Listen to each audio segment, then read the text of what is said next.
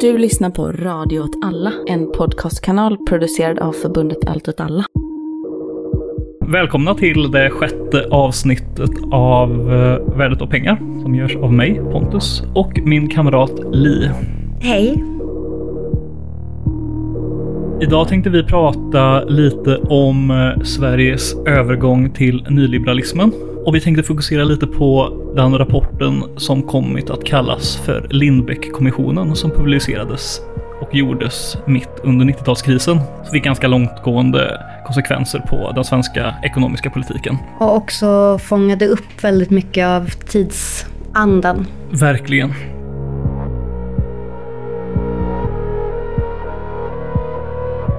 Innan vi kör igång så har vi eh, ett litet nyhetssegment som idag bara kommer vara lite kommentarer på avtalsrörelsen. Och innan vi gör det så tänker jag att det finns några andra saker att säga också. Dels att vi vill tacka vår producent och Felix Wickman som har gjort musiken. Och sen också lite shout-out till några av de eh, forskare som har skrivit saker som ligger till grund för det vi pratar om här. Ingen av oss har ju forskat kring det här ämnet. Nej. Så att som vanligt så bygger ju mycket av det vi säger på andra människors forskning. Till exempel Per-Henrik Wikman som en gång i tiden skrev en masteruppsats som handlade om hur den här rapporten mottogs. Och också Pia Forsberg som har skrivit en artikel som handlar om ekonomiska diskussioner kring den här rapporten. Och Erik Tosterman. Ja, som jag kommer referera till lite sen. Shout-out till dem och deras kompetens som vi Effektivt utnyttjar. exakt Men med det sagt hoppar vi över till eh, att snacka lite avtalsrörelse. Eh, innan vi kommer in på huvudämnet idag så känns det rimligt att sammanfatta lite det vi nu vet om avtalsrörelsen. Precis, vårt senaste avsnitt släpptes ju, eller spelades in precis innan eh, industriavtalet var färdigt. Så nu har vi både industriavtalet men vi har också transportavtal eh, som är färdigt. Ja. Och de flesta avtalen är väl helt enkelt klara nu så att man kan diskutera lite hur gick det egentligen för den svenska avtalsrörelsen? Det beror väl lite på vem man frågar. Det känner ju säkert lyssnarna redan till att eh, när det gäller industriavtalet, alltså märket, så landade ju det på 7,4 procent på två år. I de flesta avtalen då fördelas den ökningen på 4,1 procent första året och 3,3 procent år två. Så årstakten blir 3,7 procent. Och det är klart att det är det högsta värdet i industriavtalets historia. Det är också en ovanligt hög andel av ursprungskravet, typ 80 procent. Eh, om man jämför med att det brukar ligga någonstans 60 till 75 procent. Samtidigt så är det ju väldigt lågt jämfört med inflationen. Ja, och också ganska lågt jämfört med våra grannländer. Precis. Norges motsvarighet till LO fick ju igenom ett avtal på 5,2 procent i ramavtal. Plus lite generella tillägg också. Eh, nu nyligen efter en stor strejk blev avblåst. I Norge är ju också inflationen, den norska inflationen i år beräknas hamna på 4,9 procent. Så där betyder ju märket, eller vad man ska kalla det, ramavtalet, eh, en reallöneökning. Ja, det är ganska stor skillnad. Det som jag tycker är det mest intressanta med avtalsrörelsen hittills är, om ni kommer ihåg, jag vet inte om ni har lyssnat på det avsnittet när vi intervjuade både Metalls ordförande och Transports ordförande. Jag tror att det var avsnitt fyra. Och där diskuterade Transports ordförande Tommy Vret ganska mycket motiven till varför de ställde sig utanför samordningen. Han var ganska kritisk mot exempelvis att 6F, den gruppen av LO-förbund, att de hade varit väldigt kritiska mot LOs förslag till märke och uttalade sig i media om krav på väldigt höga liksom, kompensatoriska löneökningar och sådär. Han var väldigt kritisk mot att de sen när det väl blev eh, liksom skarpt läge rättade sig i ledet och röstade ja, ja till LO-samordningen och det, det märket som sen LO satte, eller som industrin satte. Transport valde en annan approach. De ställde sig ju faktiskt utanför samordningen med motivet att LOs krav inte var tillräckliga. Han förväntade sig ju ganska exakt det som hände också. Han sa att ja, LO kräver 4,4, det innebär att de kommer landa någonstans på 3,7 och om de gör det så är det helt oacceptabelt och det kan vi inte stå bakom. Därför var det väldigt intressant sen att när Transports avtal blev klart så hade det samma avtalsvärde som märket hade. Ja, Det är, det är lite svårt. Det är lite, det, det, man får verkligen lägga in en brasklapp här, för att det är lite svårt att veta. Eh, motparten säger ju att avtalsvärdet var samma som märket. Transport däremot menar att avtalsvärdet var lite högre. Det är lite, jag har försökt kolla lite på exakt vilka lönegrupper är det som får en löneökning som är högre och vilka är det som är lägre. Det man ska komma ihåg är att det här var alltså ett bud från Transports motpart som Transport accepterade för att de bedömde att det var det bästa de kunde få ut. Och motparten menade att det här var i paritet med märket då sett över hela avtalsperioden. Transport menar ju inte det, de menar att de har fått till, fått till en bättre deal. det handlar lite om hur man flyttar runt saker i avtalen och så. Därför att Transport har ju pratat om det som att avtalet innebär en löneökning på upp till 9,1 procent Ja. fördelat på två år. Och om man delar den siffran i två så är det klart att alltså, 9,1 procent fördelat på två år är ju betydligt högre än 7,4 procent. Ja. Men det är ju då för de som kommer få den största löneökningen. Sen som du säger, det är ganska svårt att nysta ut. De pratar mycket i termer av majoriteten av transportmedlemmar i den här sektorn kommer få det, majoriteten. Och då vet man inte riktigt vad minoriteten Nej. landar på. Men inom åkerisektorn så får majoriteten av medlemmarna en löneökning som Utslaget då på två år blir ungefär 4,25 procent. Och i terminalsektorn är det mer varierande, men de som, den majoritet som får lägst får 3,95 på två år. Så det är lite skillnad ändå jämfört med märket, men be, med betoning på ändå ganska lite. Men jag, jag tänker så här att eftersom det här var, jag har ganska svårt att se att arbetsköparna skulle ge Transport ett bud som i sin helhet var mycket högre än märket utan någon form av konflikt. De har ju inget egentligen intresse att göra det. Och jag kan tänka mig att svensk näringsliv som helhet skulle inte vara speciellt glada om de gjorde det. Så när Direkt Transport gick ut och sa att ja, men vi fick så här högt märke utan konflikt, då blev jag ganska förvånad. Och sen så har det varit lite tveksamt, precis som du säger, vad, hur är egentligen de här pengarna fördelade där inne? Ja, för det är också så att de spinner det ju som de... Ja. Transport spinner det som en seger och eh, motparten spinner också som en seger. Mm. Sådär. Och det, de exakta siffrorna är ju, det är klart att de är ju väldigt relevanta för de medlemmarna, men i det här sammanhanget kanske det som är det mest eh, intressanta är att konstatera att den svenska avtalsrörelsen i stort och hittills har hamnat under till exempel den norska då. Jag tycker det finns någonting, det är någonting intressant ändå tycker jag med att ställa sig utanför samordningen och uttala sig om att de nivåerna var så oacceptabla ac- oacceptabelt låga och sen acceptera motpartens bud utan konflikt sen. Det är, Ja. det är någonting som är, det är inte så att jag vill bärsa transport för att de inte lyckades, men det är någonting, jag är så genuint, jag förstår liksom inte den strategin riktigt. Det är någonting som så här, men om ni nöjer er med den här typen av nivåer, då hade då hade det inte funnits någon anledning till att stå, ställa sig utanför samordningen från första början. Liksom. Det är väl i och för sig en signal till eh, motparten att göra det, men om man, tänk, om, om man har lyssnat på det här avsnittet och vår intervju med Tommy Wret, Ja. så där pratar han ju ändå i termer av konflikt. Även om man säger att man måste vara försiktig med Ja. konfliktvapnet och så vidare, så i ganska stor detalj så förklarar han ju hur man ganska effektivt och med ganska små medel skulle kunna utöva ganska stor press på motparten. Och det har man Mm. Ja. valt att inte göra. Och det är såklart en strategi också eh, från Transports sida att visa upp en konfliktbenägenhet Ja. i media innan en avtalsförhandling. Det är ju såklart smart, liksom. för det gör ju att hoten om konflikt eh, blir mycket liksom, mer reella sen i, i avtalet. Så, så det, det är ju helt fine. Liksom. Alla arbetsgivare som lyssnar på vår podd har hört det här. Eh, exakt. Exakt. Men jag tycker bara så här, det är att inte ens lägga ett varsel liksom för att få ett lite bättre bud. Det är någonting som jag inte förstår. Var, varför, varför nöjer man sig liksom när man har möjligheten att se vad man kan försöka få ut? Att Men inte det- försöka. hänger ju ihop också med det här vi har sett nu senaste veckorna när det kommer till den vilda strejken i pendeltågstrafiken och så. Den här väldiga konfliktobenägenheten Ja. som finns. hur var det det uttrycktes, att vår främsta förhandlings... Vad var det hon skrev? Eh, hon tiden... eh, Ja, sossen. precis.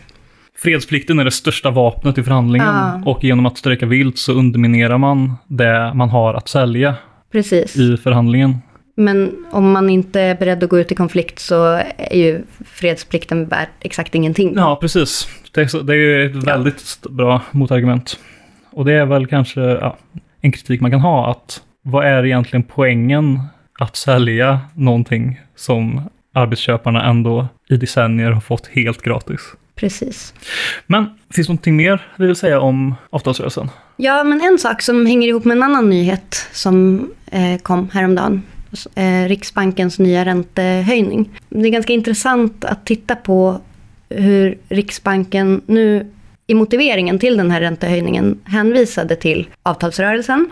De skrev att de tvååriga avtalen som slutits på arbetsmarknaden skapar större förutsägbarhet kring företagens kostnadsutveckling och, min- och bidrar till att minska risken för en prislönespiral. Men i uppgörelsen ligger en tydlig förväntan på att Riksbanken ska fortsätta att anpassa penningpolitiken för att få ner inflationen inom en ganska snar framtid. Det hänger ihop med det här att man utgår i förhandlingarna, det pratade vi om i det här Ja. avtalsrörelseavsnittet, att man utgår från att Riksbanken ska hålla räntan på 2 Inflationen på... Ja, på- för, ja. Precis, Mm. inflationen på 2 Det här uttalet, det är väldigt mycket damned if you do, damned Ja. if you don't. För att när Riksbanken in, inför avtalsrörelsen, när man påbörjade de här räntehöjningarna, så pratade man ju om det som att de här räntehöjningarna var nödvändiga för att förhindra en löneprisspiral och för att för, hålla förväntningarna nere i avtalsrörelsen och så Mm. Vidare. hindra inflationen för att få fäste i lönebildningen som det så vackert brukar kallas. Och nu hänvisar man till de här förväntningarna som en, ett argument för att fortsätta med ränteförhöjningarna. Mm. Så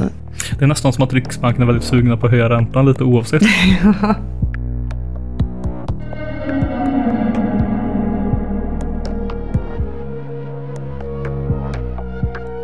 Apropå finanspolitik så hade vi ju tänkt att prata lite om eh, Lindbeck-kommissionen idag. Då kan det vara intressant att utgå eller prata om den här kommissionen lite mot bakgrund om vad som skedde decenniet eller kanske decennierna innan i svensk politik, eller i svensk ekonomisk politik.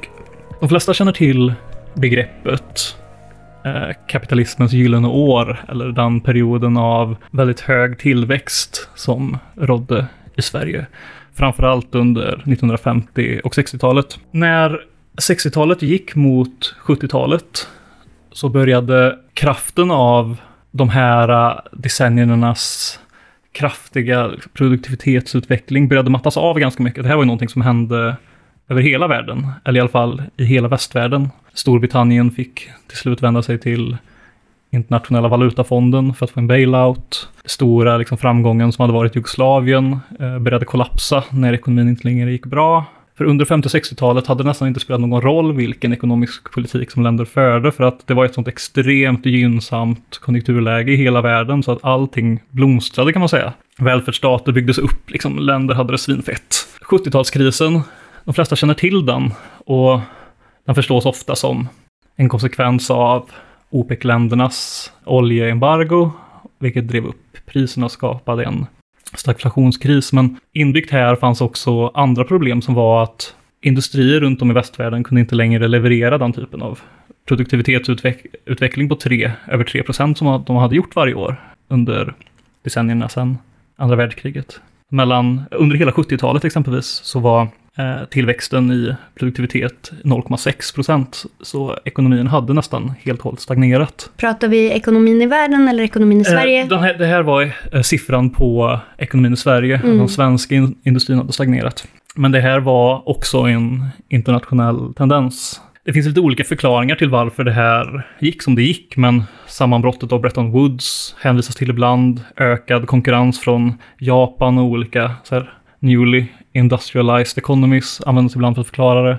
Oljepriset, massiva budgetunderskott i så gott som samtliga OECD-länder och så vidare. Det finns ganska många förklaringar, men det man kan säga är att 70-talet var en period när keynesianismen föll samman egentligen som den dominerande ekonomiska politiska ideologin och de politiska reformerna och de politiska, liksom, det, det ekonomiska styrsättet som hade följt från eh, keynesianismens syn på regleringen av ekonomin hade blivit kraftigt utmanad i hela västvärlden. I Sverige så minskade den industriella produktionen med nästan 10 procent eh, mellan eh, 60 och slutet av 70-talet. Så Det var liksom en väldigt kraftig avindustrialiseringstrend som påbörjades. I vissa länder så, så tog ju detta en väldigt konkret vändning. Exempelvis Storbritannien valde Thatcher som etablerade sina nyliberala program. USA Och mjukglass. och mjukglass. Ja, är inte hon eh, känd för det? Det hade jag ingen aning om. Berätta mer. Var det hon som gav oss mjukglassen? Ja, men eller hon är ju känd för att hon innan hon blev politiker jobbade som forskare hos någon matfabrikör där hon uppfann en mjukglass med mer sant? luft invispad som gick att pumpa genom en maskin. Det här, det här, är, det här är ju helt... Det är otroliga nyheter. Ja, Hon var kanske inte så jävla dum ändå. ah, ja. Sverige däremot. Sverige hade ju samma problem som Storbritannien och USA. Extrema underskott. Och de hade en liksom kraftigt liksom, eh, ska man säga, sviktande budgetbalans. Det var svårt att liksom exportera på något sätt som... eh, det var svårt att exportera i en tillräcklig, ut, tillräcklig utsträckning för att liksom, matcha importen av varor. Länderna blev ganska hårt skuldsatta på grund av det. När Socialdemokraterna fick makten i början på 80-talet tog Socialdemokraterna en liten annan väg än vad Storbritannien och USA hade gjort. Eh, finansministern i den socialdemokratiska regeringen mellan 82 och 90 var Kjell-Olof Feldt. Och han har ju blivit det namnet som har associerat med, associerats till just då tredje vägens politik.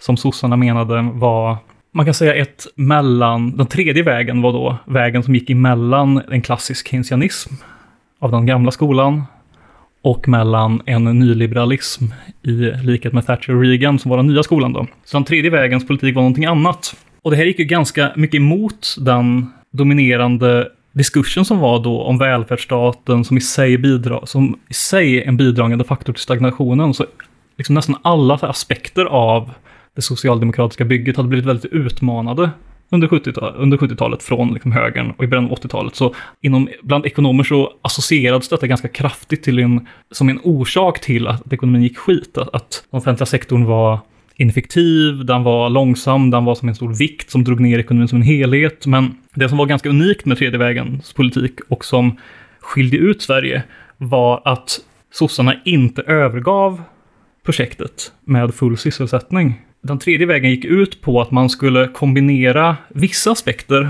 av det nyliberala programmet, men man skulle inte göra avkall på den fulla sysselsättningen eller välfärdsstaten. De här två sakerna skulle behållas. För att lösa detta så skulle man driva en aktiv politik som skulle skapa en vinstdriven tillväxt. Det var alltså en form av trickle-down economics där man trodde att om man kan vända lönsamheten för industrin och stoppa hela den här processen av avindustrialisering och se till att industrin blomstrar, då kommer man kunna behålla det som har slaktats i de andra nyliberala länderna. Så man kommer kunna behålla sysselsättningen, man kommer kunna behålla välfärdsstaten, men så kan man fokusera på att skapa då gynnsamma förutsättningar för industrin, trots att de här beståndsdelarna fortfarande är på plats. Då. En sak som är bra bara som en parentes och kontext är ju Ja. att 1976 hade ju varit första gången Sverige fick en borgerlig majoritetsregering sedan den allmänna rösträttens införande. Liksom. Ja. Socialdemokraterna har ju haft en väldigt lång period av hegemoni Ja, eh, som bröts på 70-talet. Så att när de sen kommer tillbaka till makten så har de ju det i ryggen också. Mm.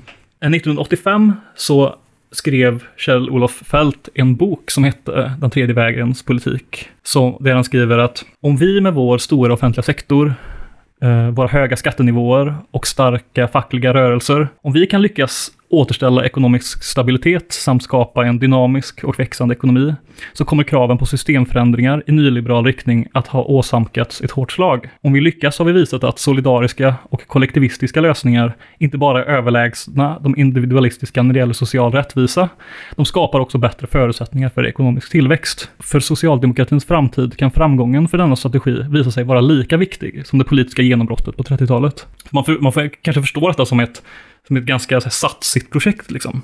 Nu testar vi någonting som går emot tidsandan ganska mycket. Men vi gör det för att vi tror i grund och botten att, det, att våran liksom klassiska socialdemokratiska modell fortfarande är hållbar. Den funkar fortfarande även i den här nya nyliberala tiden. Om man bara tweakar de här sakerna. Det är en ganska stor skillnad mot hur så här, Rain Meidner-modellen hade sett ut tidigare, för den kretsade ganska mycket åt att liksom, disciplinera industrin ganska hårt genom att strukturomvandlingar där liksom, lönenivåerna var drivande skulle liksom, slå ut improduktiv industri, se till att bara de starkaste överlever och pressa hela tiden vinstmarginalerna ganska hårt på det sättet. Mm.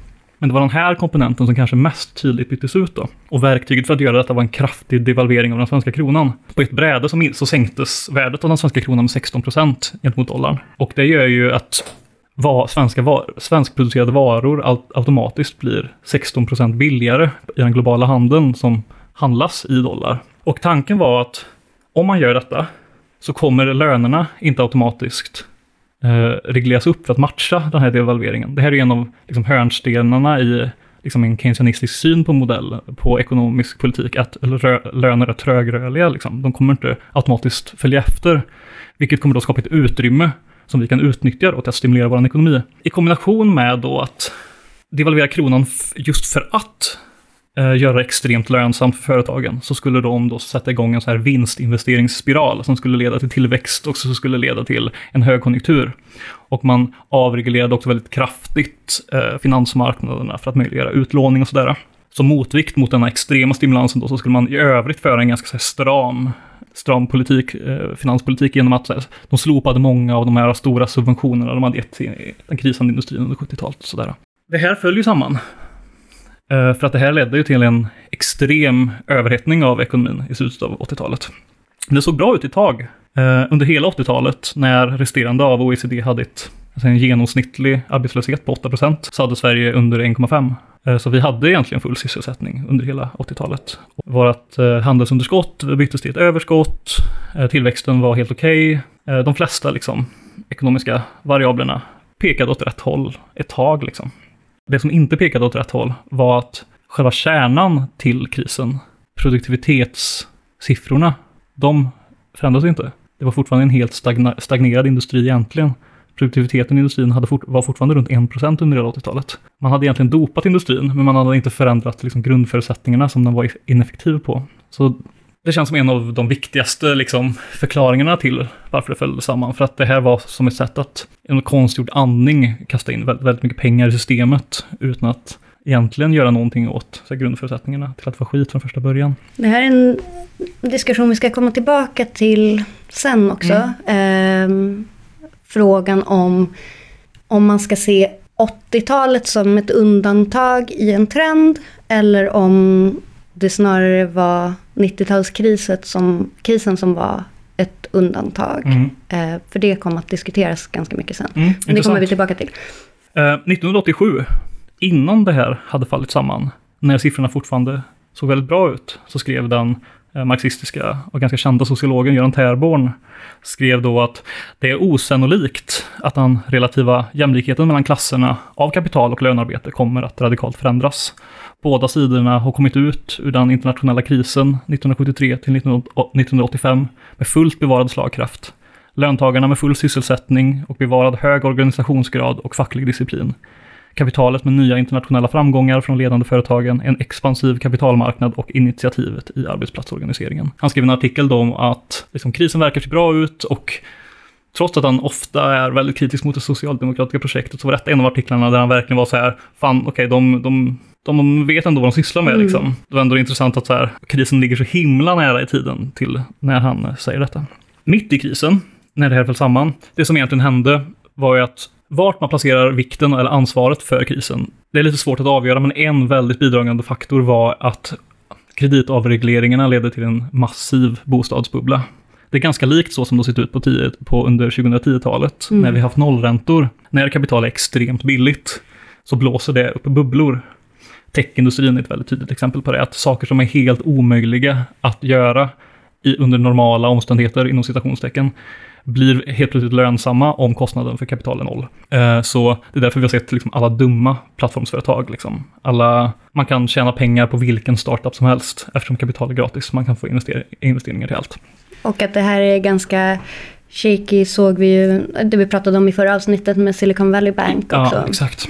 Men, men den finanskrisen som, eh, som briserade i början på 90-talet var en av de djupaste Eh, i Sverige någonsin. Eh, fullt jämförbar med den på 30-talet, liksom, när det kom till eh, konsekvenserna för arbetarklassen och för samhället i stort. Men eh, en sista kommentar på detta är att det finns en, en forskare som är professor i politisk ekonomi på, i London, så, som försökte förklara egentligen på vilket sätt sossarna hade tänkt fel här. Han menade ju, han, är, han, han tillhör en skola som brukar kallas för, för regleringsskolan, när man, man menar att varje liksom, regim, varje period av ackumulation har liksom en tillhörande regleringsregim, ett sätt att politiskt reglera den och se till att den är stabil.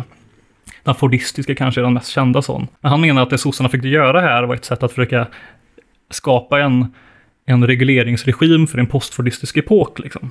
Den föll samman på grund av en huvudsaklig missbedömning från deras sida. Att sossarna hade räknat med att de kunde kontrollera LO. För hela detta projektet byggde på att LO inte skulle kompensera sig lönemässigt för alla de här äh, injektionerna som Socialdemokraterna gjorde i ekonomin. Man förväntade sig att man kunde övertala LO att se till hela bilden och utöva restraint till sina krav. Han menar ju samtidigt att det finns, det ligger i deras intresse att göra det till en viss del. Liksom. Även fast fackföreningen har intresse av att delta i sådana här inkomstpolitiska regimer så måste de liksom noggrant balansera mellan ett sådant deltagande och deras behov att faktiskt representera sina medlemmar. Löntagare går inte med i facket för att deras representanter ska administrera deras lönenivåer neråt. Och han menar att det här var Socialdemokraternas stora problem när det kom till 80-talet. Att de, de överskattade hur villiga LO, eller kanske hur, vilken förmåga LO hade att hålla ner sina medlemmars löneanspråk. Så det som hände var då att devalveringen av kronan skapade en fördröjd men ändå en faktisk liksom, kompensation i lönenivåerna, vilket gjorde att det då upphävde eh, den fördelen som den svenska industrin hade mot utlandet. Och varje nytt sådant stimulansförsök på sikt åts upp av höjda löner. Men det var liksom ambitionen att kontrollera fackföreningsrörelsen eller överskattandet av sin egen makt att kontrollera fackföreningsrörelsen som blev det som sänkte den här liksom, regimen, eh, regleringsregimen till det här försöket att bygga en ny stabil ackumulationsperiod då i svensk ekonomisk politik, kanske man kan säga. Om någon då skulle sammanfatta eller tolka det här som att det var fackens fel att det gick åt helvete. Det var ju verkligen det narrativet som rådde mm. i den tiden. Men jag tror att, eller jag är ganska säker på att Magnus Rynér gör en helt annan läsning från detta. Och det skulle jag nog också göra, som handlar om att problemet här är nog socialdemokratins arrogans. Mm. Tron att de har någon form, att de är så här unipotenta, att de kan liksom utan, de behöver liksom inte ens tvivla på att de har fackföreningen under kontroll. Medlemmarna är ju i facken, är ju sossarnas att kontrollera bäst de vill liksom. Men de litade inte, eller de kunde inte, de förstod nog inte helt enkelt hur svårt det var att långsiktigt, så långsiktigt disciplinera en hel arbetarrörelse. Nej, för det är klart att arbetarrörelsen har ju andra intressen.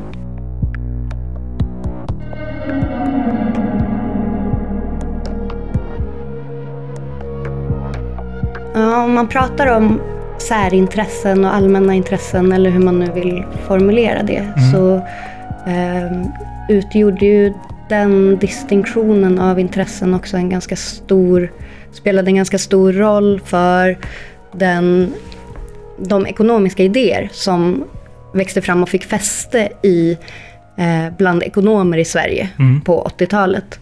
Men som man skulle kunna sammanfatta som nyliberalism. Även om det är ett knepigt begrepp och det diskuteras mycket vad som läggs i det begreppet. Men en aspekt av det här är en ganska pessimistisk politiksyn som grundar sig i ett antagande om att människor alltid kommer att agera för att skydda sina privilegier. Politiker agerar för att behålla makten, fackföreningar och intresseorganisationer för den egna gruppens trygghet, företag för att uppnå monopolstatus och så vidare. Det gör politiken oförmögen att fatta rationella beslut med det allmännas bästa för ögonen. I det motsatta hörnet då ligger den fria konkurrensen som i sig själv då kan leda fram till en effektiv fördelning av samhällets resurser som då inte är påverkad av olika särintressen utan som är liksom helt autonom mm. från dem. Å ena sidan har man då en syn på politikens särart som karaktäriserad av konflikt, ineffektivitet, särintresse och tvång. Och så en syn på konkurrens eh, som är förknippad med konsensus, effektivitet, allmänintresse och frihet. Då är det politik som uppfattas gynna konkurrens är i det allmänna bästa. Medan politik som begränsar eller snedvrider konkurrensen framhålls som något som gynnar särintressen. Då. Ja, exakt. Man kan säga att det här med konkurrens fick en, ett ganska stort genomslag eh, i politiken redan från 80-talet och framåt. Alltså forskningen har visat att regelverkens utveckling och så vidare har gått mot att i allt högre grad prioritera en effektiv konkurrens över andra politiska målsättningar. Mm. För att tidigare under den period som du pratade om, eh, kapitalismens gyllene år och så ja. vidare, där var det ju en annan typ av målsättningar som var över, eh, vad säger man? Överordnade. Som var överordnade, ja. Det här hade då ett ganska brett genomslag bland ekonomer, eller fick det under 80-talet. Ja. Samtidigt har vi en eh, tradition i Sverige av att politiskt beslutsfattande sker i väldigt nära samklang med olika typer av utredningar. Så ganska ofta tillsätts en utredning först och sen på grundval av den utredningen kommer det en regeringsproposition mm. som sen så småningom antas och blir till eh, lag. Så, så brukar det gå till alternativt att det kommer en regeringsproposition och sen kommer det en utredning och sen blir det till lag. Det här har en lång historia i Sverige. Det kanske tidigaste exemplet är 1913 års pens pensionsreform som grundade sig i en eh, utredning som började så tidigt som 1884. Oj, okay. Eh, och sen har man jobbat så ganska konsekvent. Och man kan se att under eh, slutet av 80-talet eller egentligen, eh, alltså den här avreglingen av valutamarknaden och så, där påbörjades den utredningen redan i slutet på 70-talet. Men under slutet av 80-talet och början av 90-talet kom det ganska många, tillsattes det ganska många utredningar som hade att göra med konkurrensutsättning av olika sektorer i samhället på olika sätt. Som också ledde fram till olika typer av avregleringar. Avregleringen av kreditmarknaden som du pratade om, avreglering av telekommunikation, mm avreglering av taxis, avreglering av elektricitetsmarknaden, avreglering av järnvägen, avreglering av nationella flyg och så vidare. Eh, många av de här sakerna initierades på ett eller annat sätt under slutet av 80-talet. Eh, och när vi nu pratar om sådana här utredningar så kommer ju liksom utredningarnas utredning ja. sen att tillsättas i början av 90-talet. Ja, exakt. Och det var då den som brukar kallas för Lindbeck-kommissionen. Men vad den egentligen hette var då Nya villkor för ekonomi och politik. Mm. Och den här tillsattes ju då av Bildt-regeringen mm. mitt i krisen. Fick ett mandat att väldigt fritt definiera en färdriktning framåt då på medellång sikt som rapportförfattarna tolkade som ungefär tio år. Det här är egentligen ett manifest för en förändring av allt som har med politik och ekonomi att göra. Rapporten skriver om nya förslag på hur civilsamhället ska organiseras, nya förslag på hur regeringen och riksdagens arbete ska organiseras, det är nya förslag på hur institutionerna ska designas, hur lönebildningen ska gå till. Det finns nästan ingen del av politiken som inte får en släng av sleven i den här rapporten. Den blir extremt då inflytelserik för den svenska politiken som Precis. kommer att följa. Man kan tänka att, den, eller säga att den utredningen bestod av två olika typer av förslag. Den specificerar 113 olika förslag. Den ena gruppen bestod om, av förslag om specifika ekonomisk-politiska åtgärder och den andra handlade om förändrade regelsystem för offentlig administration och politiskt beslutsfattande. Ja, och kommissionen ansåg sig ha tre övergripande uppgifter.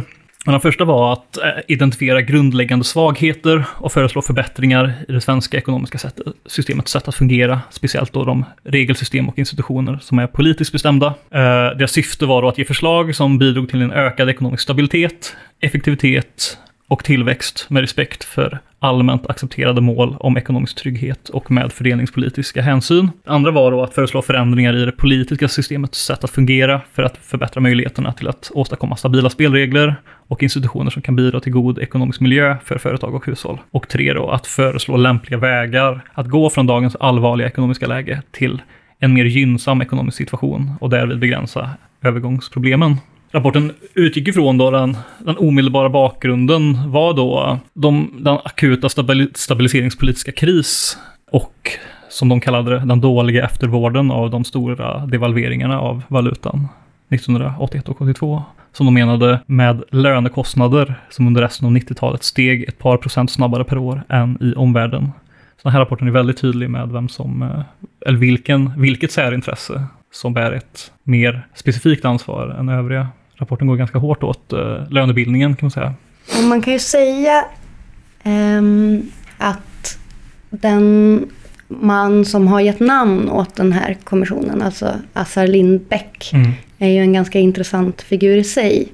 Uh, han var ju från början socialdemokrat, men bröt med Socialdemokraterna i samband med um, stridande där han ställde sig väldigt kritisk till löntagarfonder. Och just det här att han hade varit socialdemokrat och hade så nära kopplingar till socialdemokratin gav ju också en legitimitet åt den här typen av förslag när de kom från inom citattecken vänster. Och det här med konkurrenstänket är ganska genomgående i den här rapporten konstaterar att budskapet för politiken på lång sikt är citat Fullfölj avregleringar av marknader och återställ konkurrens och valfrihet. Även om vi måste ha klart för oss att övergångsproblemen kan bli svåra. Det här är liksom essensen i rapporten. Och de mm. pratar också om att de förordar ett samhälle där den enskilda individen tar ett större eget ansvar än idag när det gäller att fördela sin konsumtion över tid, skapa ekonomisk trygghet för sig och sin familj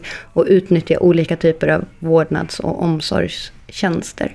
Synen på konkurrens så som den läggs fram i utredningen tyckte jag beskrivdes på ett intressant sätt av vår, vår kollega Erik Tosterman i Uppsala, mm. som menade att Begränsningarna i konkurrensen är enligt utredningen ett tydligt exempel på hur särintressen dominerar över det allmänna konsumentintresset.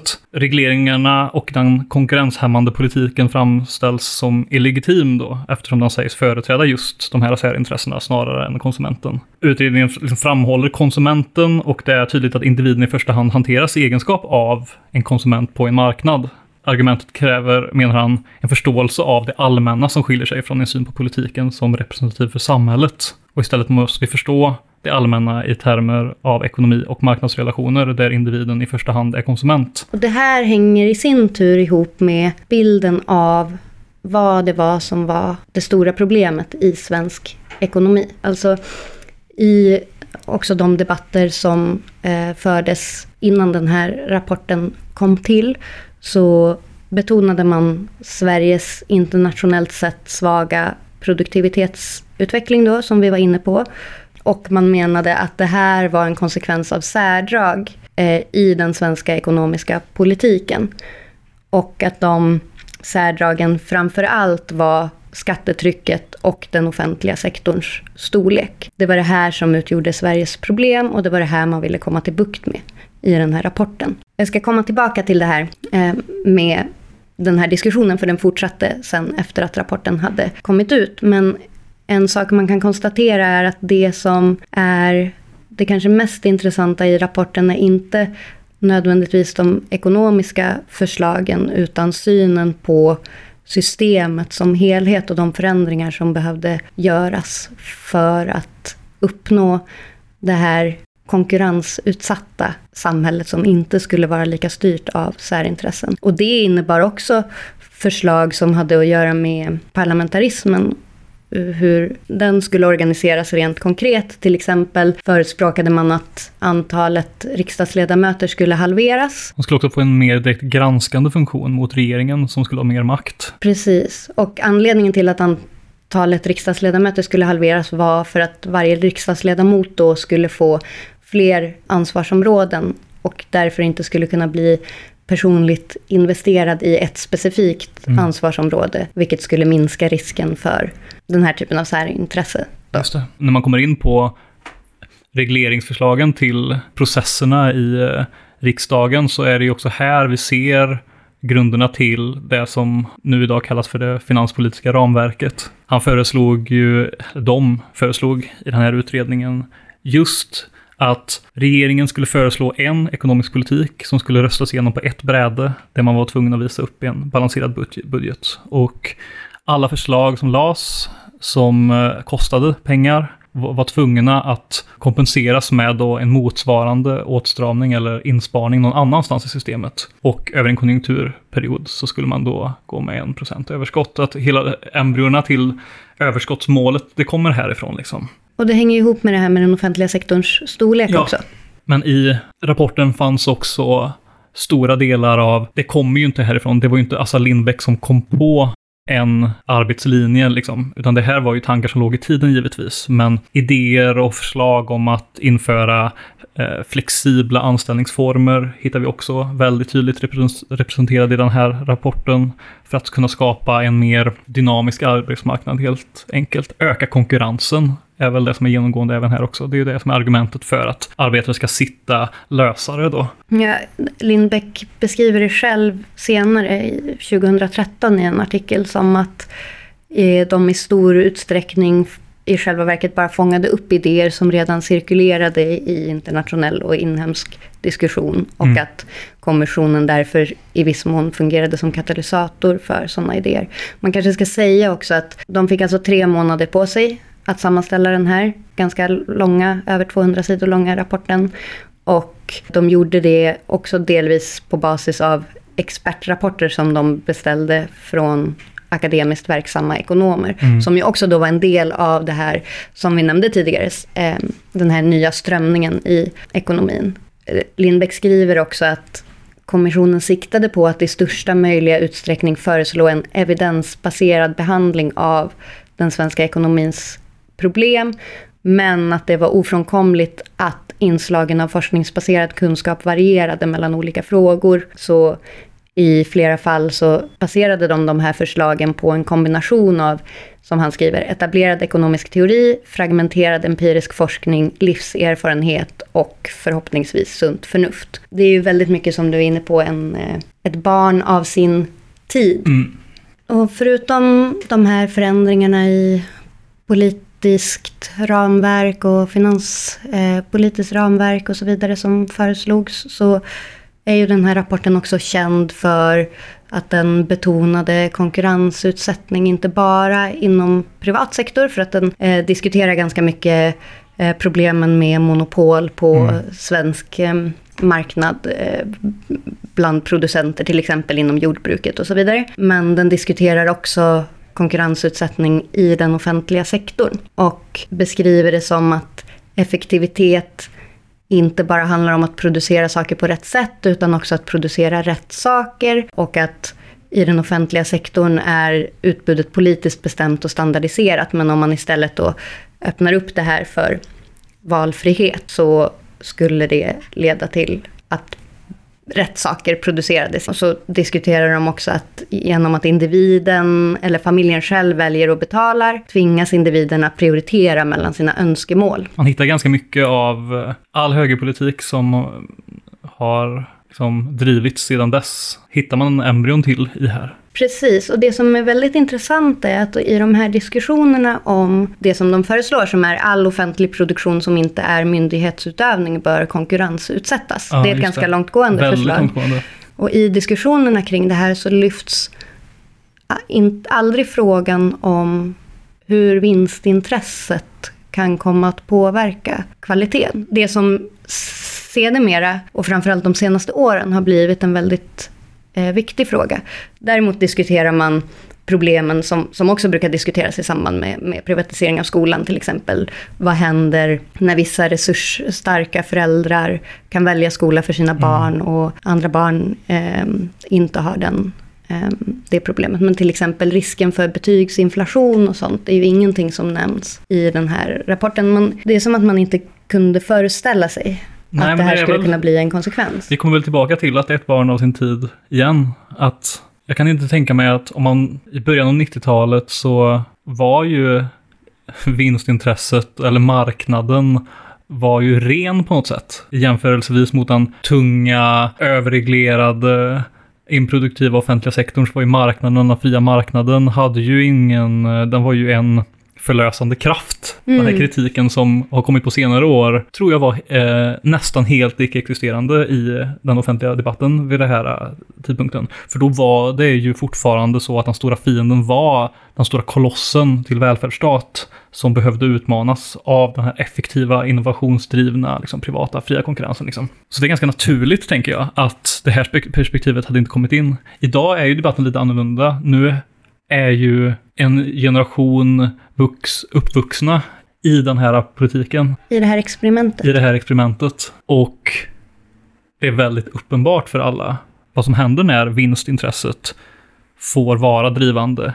Exempelvis i en offentlig sektor som inte har, där incitamentstrukturen är helt annorlunda än när man producerar varor exempelvis. Mm. Och hur det snedfördelar på ett helt annat sätt än vad en offentligt driven verksamhet gör. Sen ska man ju komma ihåg då att eh, när det kommer till avregleringarna så den här rapporten kom ju att ge stöd för den typen av politik mm. och efter att rapporten släpptes så skedde också flera typer av avregleringar men många av de här reformerna hade ju redan, det fanns en grund till dem redan sedan tidigare genom de här utredningarna som vi pratade om tidigare och genom en eh, regeringsproposition som kom 1990 som hette om näringspolitik för tillväxt. Den utformades ju på uppdrag av regeringen Bildt. När den släpptes var Carl Bildt väldigt snabb med att gå ut och säga att den här rapporten ger stöd åt regeringens politik. Det här är det vi har sagt hela tiden och nu har också de här ekonomiska experterna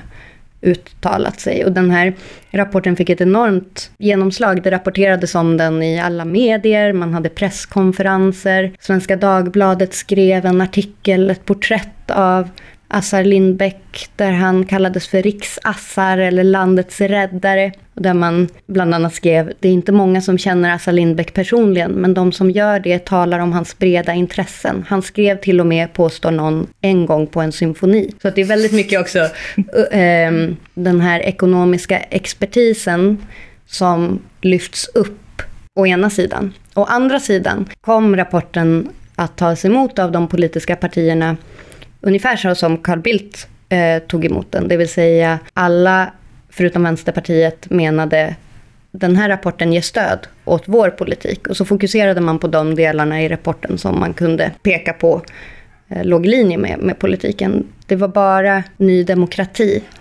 det härliga gamla partiet, som eh, de föreslog flera gånger att statsbudgeten skulle ersättas med kommissionens förslag. Så de såg den här rapporten som ett renodlat styrdokument. Men de andra partierna såg ju rapporten framförallt som en problembeskrivning och försökte anpassa den till sin egen politik. Och Lindbäck kommenterade också det här i en presskonferensen där han eh, deklarerade att politikerna använde kommissionens rapport ungefär som en berusad person använder en lyktstolpe för stöd istället för upplysning. Och det han var frustrerad över var att eh, kommissionen användes som slagträ i den politiska debatten istället för att omsättas i praktisk politik. Så det fanns ju två nivåer här i vad rapporten fick för konkreta effekter. Den blev enormt omskriven. Eh, den användes väldigt mycket politiskt men den var ju tänkt som ett sammanhängande reformpaket där alla de här 113 förslagen skulle genomföras tillsammans för att på sikt och leda fram till det här systemskiftet i Sverige. Och så blev ju inte helt och fullt det känns inte lite som att, att, motta, att mottagandet för rapporten var så varmt och att det fanns så lite opposition mm. mot det. Jag tänker att det hänger ganska mycket samman med att Sverige tog en annan väg under 80-talet jämfört med många andra OECD-ekonomier. När den nyliberala vågen liksom svepte över väst och det blev någon form av det var hegemoni inom ekonomikretsar för det här typ, den här typen av tänkande. Men Socialdemokraterna tog en en annan väg under 80-talet som sen föll samman. Det känns som att det gjorde whiplash-effekten mycket, mycket starkare mot nyliberalismen än vad den kanske annars hade blivit. Att det var så här, det byggdes upp en sån ofantlig opposition mot den stora offentliga sektorn, mot liksom, den politiska styrningen, mot regleringen under 80-talet. På grund av att det var ett försök till politik som var så mycket i, i motvind. om man tänker så här under 10-talet, om man tänker på så här hur, hur svängningarna kan bli i den offentliga diskursen när det kommer till migrationsfrågan exempelvis. När de flesta europeiska ekonomierna stänger sina gränser och Sverige gör inte det utan försöker ha någon annan väg. Och sen från en dag till en annan, när vi väl svänger mycket senare än alla andra, då hissar vi upp liksom svastikarna på Rosenbad direkt. Liksom. Ja. Då finns det inte längre någon, något utrymme att vara så här moderate längre, utan då är det raka vägen mot nazism som gäller liksom direkt. Men Assar Lindbeck var väl också ute 2015 och deklarerade att Sverigedemokraterna var de enda som hade en nykter syn på invandringsfrågan. Ja. Så han var där också. Ja, han var där också. Och liksom, vad ska man säga, satte tonen för mm. kommande års utveckling kan man säga. Jag flaggade ju lite tidigare för också, för den efterföljande eh, diskussionen skedde ju inte bara inom partipolitiken utan det skedde också till viss del inom det vetenskapliga samhället. Även om det rådde väldigt mycket konsensus om det här så var framförallt Walter Korpi, som ju är en känd svensk sociolog, både innan rapporten skrevs och efter och ifrågasatte då det här narrativet som hela rapporten byggde på. Det vill säga att Sverige halkade efter i ekonomisk tillväxt och att det berodde på då det här politiska systemet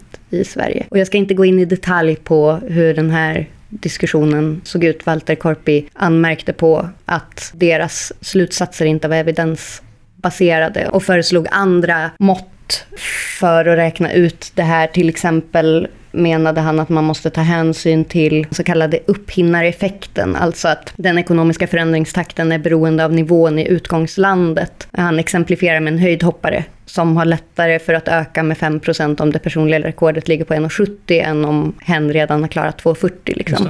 Och att därför blir det missvisande att jämföra Sverige med andra länder som inte har kommit lika långt i sin industriella utveckling till exempel. Det är ett av argumenten. Och så höll de på och argumenterade fram och tillbaka med ganska grova personangrepp så småningom också.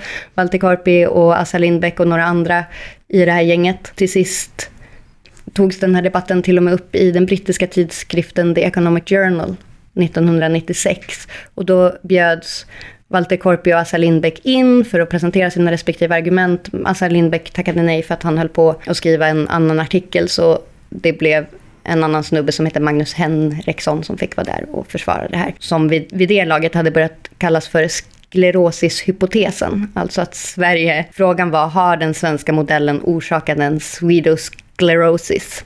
Så, och då bjöd man också in en australiensisk nationalekonom som hette Steve Dowrick som fick kommentera eh, de olika argumenten. Och han landade i slutsatsen att de som förespråkade den här eftersläpningshypotesen hade en tuff utmaning att försvara sina slutsatser. Eftersom den svenska tillväxten hade varit god under 40 år för att visa en nedgång först efter 1990 så var det svårt att peka på att det fanns en sån här eh, långsiktig trend utan snarare att det var en, en isolerad kris i början av 1900 90-talet man hade okay. att göra med. Så den diskussionen pågick också, men det var ganska få som ställde sig på Walter Korpis sida i det här. Förutom då den här australiensiska experten som kommenterade det utifrån.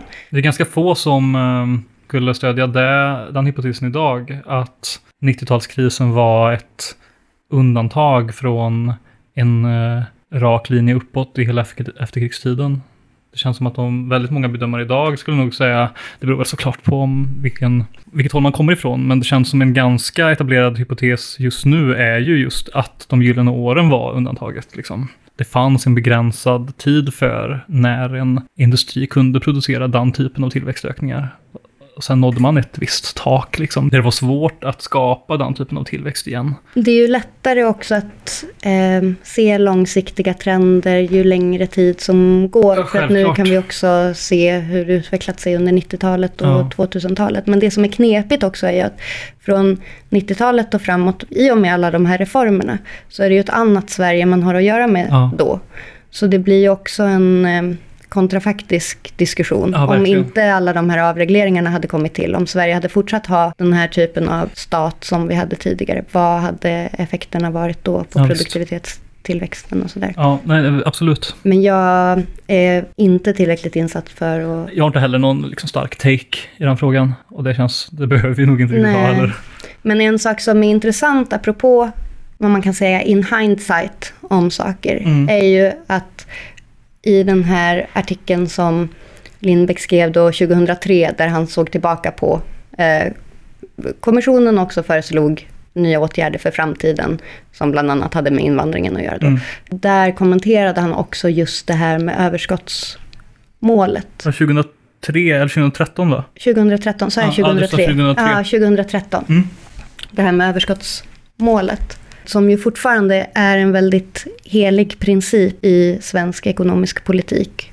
Som vi har pratat om tidigare Ja, vi också. gjorde ett helt avsnitt om det. Exakt. I den här artikeln från 2013 då så kommenterar Lindbäck att han tänker att det var ett naturligt krav med överskottsmål så länge finanspolitiken siktade till att minska statsskulden. Men sen den då hade kommit ner till rimliga, säkra nivåer som han kallade det, så ansåg han inte längre ett överskottsmål vara självklart, utan att man istället skulle ställa upp ett mer långsiktigt mål för statsskuldens andel av BNP och så Mm. vidare.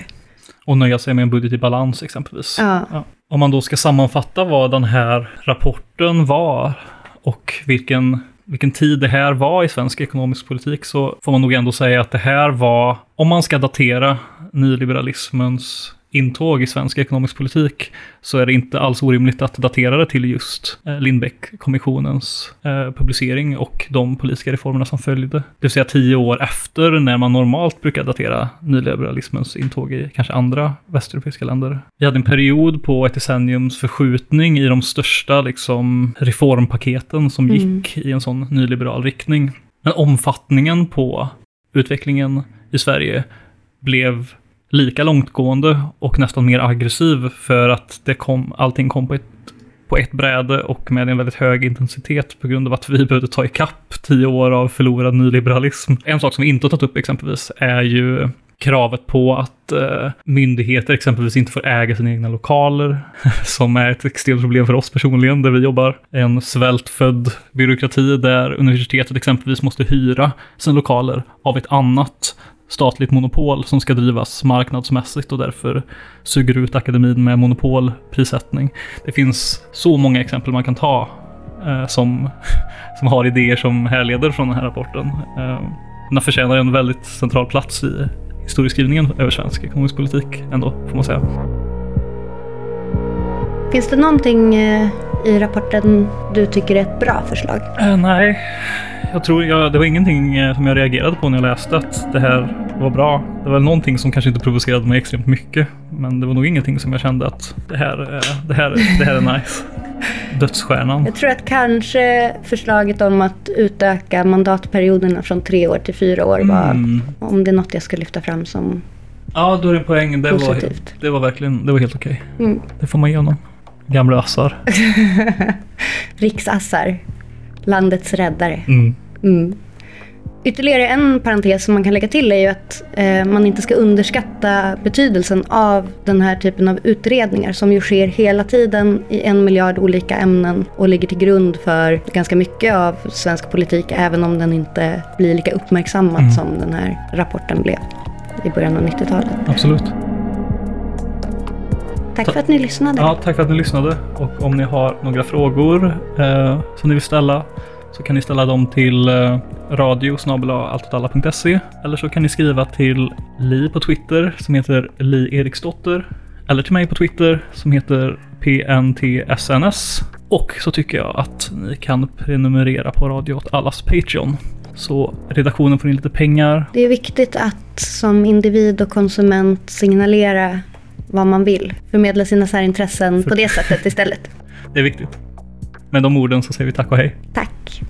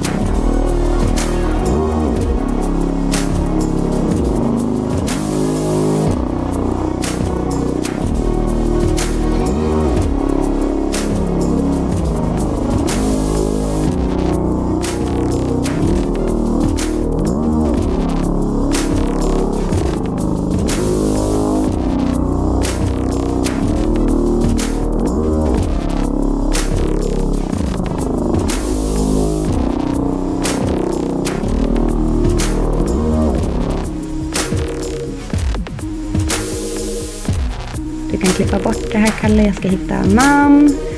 Namn, namn, namn. Du, du, du, du, du, du.